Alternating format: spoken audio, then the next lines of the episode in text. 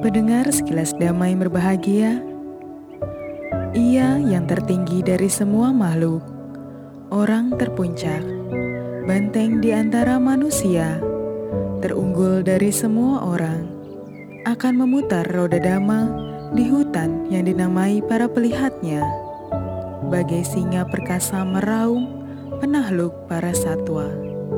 Demikian penggalan Sutanipata 3 ayat 11. Penamaan dan Ramalan Saat Pangeran Sidarta lahir, semua urusan ayahnya, Raja Sudodana, selesai dengan baik. Oleh sebab itu, ia menamainya Siddhartha, yang berarti yang terpenuhi harapannya. Dengan nama keluarga Gotama, maka ia bernama Siddhartha Gotama ayahnya mengundang banyak orang bijak untuk datang melihat Pangeran Sidarta. Mereka bernama Rama, Daja, Lakhana, Manti, Boja, Suyama, Sudata, dan kondanya. Saat melihat tubuh Pangeran Sidarta, mereka menemukan 32 tanda manusia agung. Dengan 32 tanda ini, tujuh orang bijak yang ada di sana sepakat. Ada dua kemungkinan yang akan terjadi pada pangeran. Jika ia hidup berumah tangga, ia akan menjadi raja. Jika ia hidup menjadi petapa, ia akan menjadi Buddha.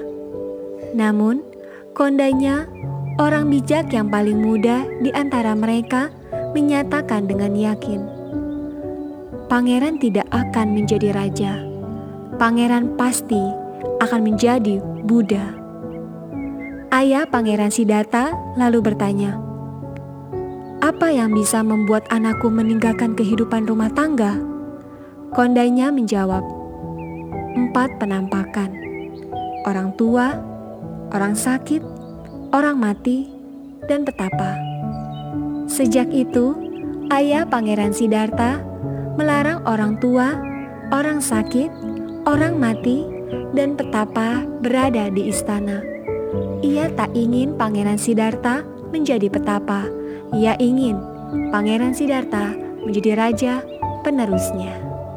Nantikan sekilas dama episode berikutnya yang berjudul Masa Kecil. Sekilas dama spesial kisah hidup Sang Tata Gata akan hadir selama 100 hari menyambut Hari Waisak 2562 tahun 2021. Sekilas Dhamma dapat didengarkan melalui Spotify dan channel YouTube Cetia Dhamma Dayada dengan kata kunci Sekilas Dhamma.